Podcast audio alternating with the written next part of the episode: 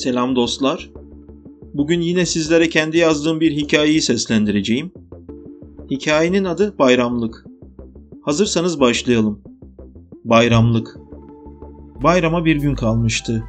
O gün Arife'ydi. Fakat bu bayram yine Selim'e bayram değildi. Çünkü ona henüz bayramlık alınmamıştı. Oysa mahalledeki bütün arkadaşlarına babaları almıştı.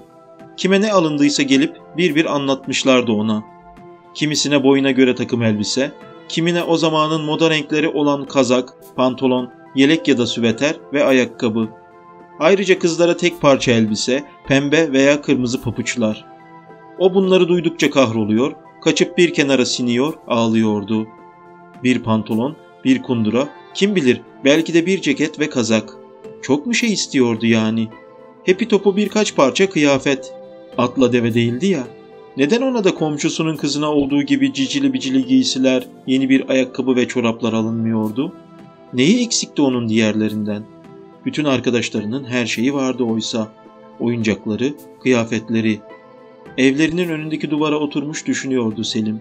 Hayat niçin adil değil diye. Ne diye tüm haksızlıklar ona yapılıyordu? Neden? Neden? Para neydi ki? Niçin her şey onunla alınırdı? Nereden bulunurdu para? Kim verirdi? Sonra onların neden parası yoktu? Selim bunları düşünürken annesi Songül kadın evin penceresinden oğluna bakıyordu o an. Sabah oğluna dayak atmıştı zavallı kadın. Onu ölümüne dövmüş, yerlerde sürüklemişti. Ama ne yapsaydı yani? Oğlu da durup durup bayramlık istiyordu ondan. Daha dün paramız yok dememiş miydi?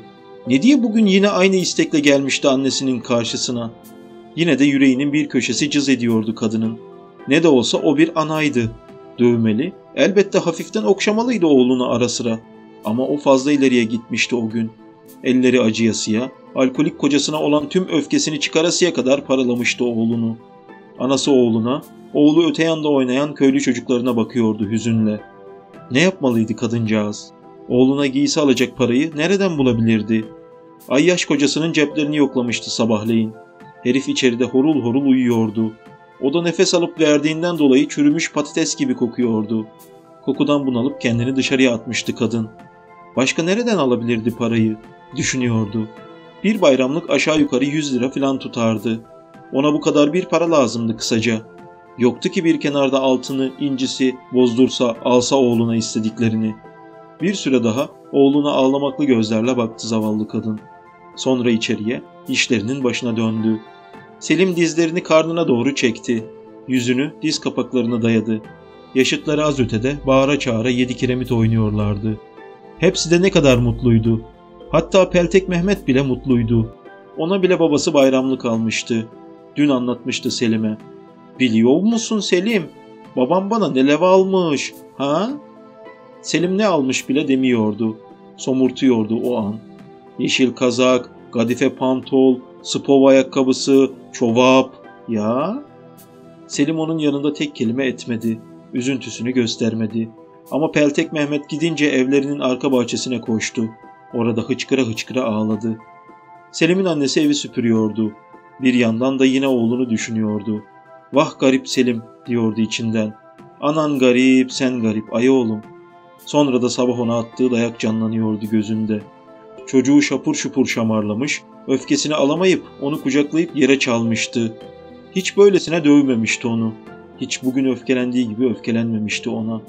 Bayram önü çocuğun canını yakışı kadını kahrediyordu. Süpürdüğü tozu, yünü, kılı, toz küreğini aldı acılı kadın.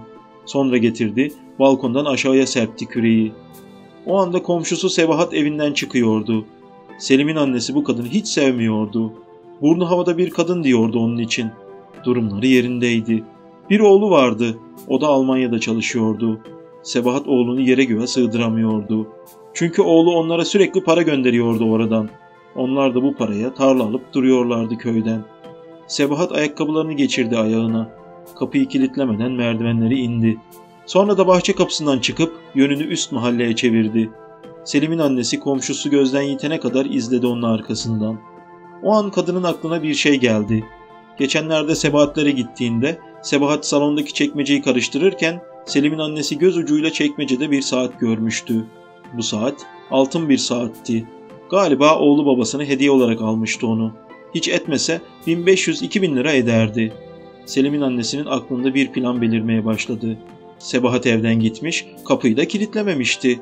Bu, kapının kolunu çekince kapıyı açabileceği anlamına geliyordu. E zaten görünürde de kimse yoktu. Mesela şimdi çaktırmadan gitse, kapıdan girse içeri, salondaki çekmeceden altın saati alsa, geri gelse. Nasılsa onların durumu iyiydi. Oğlu yine para gönderir, gerekirse bir saat daha alırlardı kocasına. Bu hiç de iyi bir fikir değildi aslında. Hele hele ona yakışacak bir davranış asla değildi. Ama oğlunu sevindirmek için yapılabilirdi. Zaten sabah çocuğun haşatını çıkarmıştı durduk yere. Böylece gönlünü alırdı oğlunun. Planını yerine getirmek için süpürge ile küreği bir yana fırlattı Songül kadın. Şalvarını az yukarıya, beline toplayıp aşağıya indi. Civardaki evlere, evlerin kapı ve pencerelerine baktı kendisini gören var mı diye. İş güç zamanıydı. Kendileri hariç köyde pek kimse olmazdı bu sıralarda. Belki bir iki koca karı ve birkaç düzine çocuk filan. Yine de emin olmak istiyordu. Bir süre bakışlarıyla taradı mahalleyi. Kimsesi yoktu etrafta. Yavaşça komşusu Sebahat'in bahçesine süzüldü Selim'in annesi. Orada yeniden sağı solu kesti. Sanki koca mahallede yalnızdı. Sebahatların merdivenine tırmandı aceleyle. Ve balkonda hiç beklemedi. Derhal kapıyı açıp içeriye süzüldü. Ocağın altı açıktı. Tencerede bir şey kaynıyordu. Demek ki Sebahat hemen geri geleceği bir yere gitmişti. Vakit kaybetmeden çıkmalıyım evden diye geçirdi aklından. Ayakkabılarını dahi çıkarmadan holü geçti. Salona girdi. Üzerinde televizyonun bulunduğu dolaba seyirtti. İkinci çekmeceyi açtı. Evet, oradaydı saat. Eliyle koymuş gibi bulmuştu onu. Aldı saati. Çekmece yerine itekleyip ayağa kalktı. Saati bir süre evirdi, çevirdi elinde. Yüzüne bir gülümseme yayıldı. Evden çıkmak için arkasını döndü. Tam o anda nefesi kesiliverecekmiş gibi oldu. Karşısında Sebahat'in kocası Recep duruyordu çünkü. Gözlerini Songül'ün elindeki saate dikmişti. Can sıkıcı birkaç saniye geçti aralarında. Adam Ne o Songül kadın? dedi. Ne diye bana ait olan bir şeyi aldın çekmeceden? Hırsız mısın sen? Hem nereden biliyordun saatimin orada olduğunu? Songül dokunsan ağlayacaktı. Tek kelime çıkmıyordu ağzından. Seni jandarmaya bildireceğim Songül kadın. Yaptığının cezasını çekeceksin. Songül adamın ayaklarına kapandı. Aman ağam etme dedi. Amacım kötü değildi. Selim'e bayramlık alacaktım.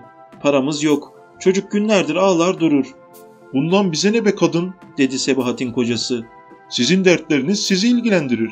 Ne diye evimize giriyorsun? Kimden izin aldın hem? Songül bayılacak kadar gergindi. Kalbi yerinden çıkacakmışçasına atıyordu göğsünde. Ne dese, nasıl dese kendini affettirebilir bunu düşünüyordu hızla. Yürü, Dedi Sebahat'in kocası. düş önüme. Muhtara gidiyoruz. Sebahat kadın adamın bacaklarına sarıldı. Aman etme beni bitireceksin dedi. Nasıl bakarım o zaman köylülerin yüzüne? Kulun kurbanın olam ağam götürme beni muhtara. Sebahat'in kocası öteden beri Songül kadını dikizler dururdu. Songül kadın zaman zaman balkonda, aşağılarda veya bahçede çamaşır yıkarken bu adamın kendisine dikkat kesilmiş bir halde baktığını görür, onun o an gözlerindeki ateşin sebebini kadınsı bir içgüdüyle anlardı. Sebahat'in kocası sanırım onu arzuluyordu. Boşuna yalvarma Songül kadın. Gerekeni yapacağım sana. Ayıptır yahu. Komşu olacaksın bir de. Bir cahilliktir oldu işte ağam. Düşünemedim. Bilemedim böyle olacağını. Affet. Ne istersen yaparım. Yeter ki beni ihbar etme. Recep manalı manalı sırıttı. Sonra Demek ne dersem yapacaksın. Ha? dedi. Her ne istersem. Öyle mi? Selim'in annesi adamın gözlerine kaldırdı başını. Adamın Ne istersem. derken neyi kastettiğini anlamıştı. Aman ağam dedi Sebahat'ın kocasına. Her şey derken yapılabilecek her şey demek istedim. Ben evli bir kadınım. Acı bana. Adam kızdı. Öyleyse düş önüme de. Dedi. Çabuk ol. Seni hırsız kancık seni. Kadını kolundan tutup kaldırmaya çalıştı. Songül kadın çaresizce düşünüyordu. Ne yapacaktı şimdi? Bir yanda adını lekelemesi, diğer yanda namusunu lekelemesi vardı ve ikisinden birini seçmesi bekleniyordu kendisinden. Ağlamaya başladı. Recep ağam, etme, eyleme diyordu. Kapına kölen olayım, bırak beni. Al saatin sende kalsın. Ben ettim, sen etme, Hiç polüm yapma Songül kadın. dedi adam. Suç işledin. Cezasını çekeceksin. Var mı öyle ya ama? Hem gel evime gir, malımı çal, hem de bir şey olmamış gibi gideyim de. Dur sen. Sana yapacağımı bilirim ben. Kadını kolundan tuttu, koridora kadar sürüdü Sebahat'in kocası Recep. Kadın iki gözü iki çeşme ağlıyordu. Tam dış kapıya yaklaşmışlardı ki Songül kadın pes etti. Tamam dedi Recep'e. Neyim kaldı ki geriye zaten? Bir bu vardı, namusum. Onu da sen al. Ve kendini oracıkta adama teslim etti. Birkaç dakika sonra da evden çıktı. Yıkılmış, ezilmiş, savrulmuştu. Kendinden tiksiniyordu evine geldiğinde. Koridorlarında kocasıyla karşılaştı. Adam iğrenerek baktı karısına. Aslında hep öyle bakardı ona. Ama kadın ilk kez olarak kocasını haklı buldu. Artık kirli, iğrenilecek, aşağılık birisi olmuştu çünkü. Kopkoyu bir karanlığa savurmuştu kendisini. Her şeyi Selim için yapmıştı oysa. Ona alınacak bir bayramlık için. Kocası onun yanından geçip tuvalete girdi ve orada cayır cayır osurmaya başladı. Songül kadın iç odaya geldi. Sebahat'in kocasına ait olan saat şalvarının cebindeydi. Onu tuttu cebinin dışından. Bunun için dedi. Bu soluk renkli metal parçası için. Allah kahretsin. Üzerini değiştirdi kadın ve kocası daha tuvaletten çıkmadan aşağıya indi. Selim elinden tuttu ve ikisi sessizce ilçeye giden ana yola doğru yürümeye başladılar. Selim annesine bir şeyler olduğunu anlıyordu. Kadının yüzünden düşen bin parçaydı çünkü. Ama annesine bir şey soramıyordu. Bir çeyrek saat sonra ilçe dolmuşlarından birine bindiler. İnince de bir kuyumcuya gidip saati sattılar. Sonra çocuk kıyafetleri satılan bir konfeksiyona girdiler ana oğul. Ne beğenirsen alacağım dedi oğluna kadın. Dilediğini seç. Selim'in içi içine sığmıyordu. Sevinçten ve mutluluktan eli ayağına dolanıyordu. İkişer çift kazak, yazlık birkaç tişört, pantolon, ayakkabı, kışlık bir mont, bir çift bot, bir düzine çorap, atkı, bere, eldiven aldı Songül kadın oğluna. Sonra onu bir lokantaya götürdü, kebap yedirdi. Selim bu yemeği çok sevmişti. Bundan her gün olsa yerim diye geçirdi içinden. Annesi bir şey yemedi, içmedi, konuşmadı. Sadece düşündü durdu. İlçeden eve döndüklerinde akşam olmak üzereydi. Kocası yoktu evde. Kim bilir nerelerde zıkkımlanıyordu yine. Kadın kendi içinde boğuluyordu sanki. Gözleri kararıyor, kusası geliyordu. Kendini salondaki divana attı. Alnını divanın sırtlığına dayadı ve omuzları sarsıla sarsıla ağlamaya başladı. Yüreğinin derinliklerinde bir şeyler kırılıp dökülüyordu o an. Selim'in ise o gece hayatının en güzel gecesiydi. Ömrü boyunca ilk kez bayramlık alınmıştı ona. Hem de çifter çifter, poşet poşet. Arkadaşlarına ne havalar atacaktı ertesi gün. Ballandıra ballandıra anlatacaktı ilçeye gidişini. En çok da kebaptan bahsederken gururlanacaktı. Onun tadını anlatabilmek için epey düşünmüştü o gece. Türlü senaryolar kurdu kafasında. Bir sürü kelime ezberledi. Sevinç ve mutluluktan uyku bile uyuyamadı geç saatlere kadar. Sabaha doğru biraz canı geçmişti sadece. Ertesi sabah bayram sabahıydı. Uyandı Selim. Annesinin bir gün önce aldığı kıyafetleri özene bezene giydi. Annesi sadece atlet almayı unutmuştu ona. Bir o eskiydi giysilerinin içinde. Kapkara bir leke gibi üzerinde duruyordu Selim'in. Ama bu detaya kafa yoramayacak kadar kendinden geçmişti Selim. Heyecanla, papuçlarına kadar her şeyini giydi odada. Sonra neşeyle diğer odaya, salona koştu. Hayret, kimse yoktu orada. Mutfağa baktı. Orası da boştu. Neredeydi annesi? Anne diye bağırdı bir süre. Anne. Sonra annesiyle babasının yatak odasına girdi. Girmesiyle yüzünün asılması, yüzünün asılmasıyla çığlık atması bir oldu. Babası yatakta kanlar içinde yatıyordu Selim'in. Yatak, yorgan, yastık, alkan içindeydi. Adam ölmüş, daha doğrusu öldürülmüştü. Gözleri tavandaki bir noktaya takılı kalmıştı. Yatağın önünde kanlı bir ekmek bıçağı duruyor, Selim bıçağa bakarak bağıra bağıra ağlıyordu. Ulurcasına bağırarak balkona koştu Selim. Köylüler bayram namazından çıkmış evlerine dönüyorlardı. Selim'in bağırışını, bağırarak onları çağrışını duyup yanına geldiler. Selim içeriği işaret ediyordu gelenlere. Köylü birkaç erkek içeriye ta yatak odasına kadar girdiler. Orada Selim'in babasını buldular. Adamı gören dehşetle irkiliyor, bir titremeye kapılıyordu istemsizce. Tüyler ürpertici bir manzaraydı bu. Korkulu birkaç dakika geçirdiler odada. Yatağın yanı başında kanlı bir kağıt parçası vardı. Kağıtta şunlar yazılmıştı. Bizi bu hale sen getirdin. Seni aşağılık, soysuz herif. Şimdi ben senin yüzünden namussuz oldum. Elin malı oldum. Sense bir adam bile olamadın. Çalışıp bize bakamadın. Şimdi belanı buldun işte. Selim'in annesi Songül kadın yazmıştı bu satırları ve sonra da evi terk etmişti. Nereye gitmiş, neden gitmiş, elin malı oldum derken ne kastetmişti? Kimse öğrenemedi bunları.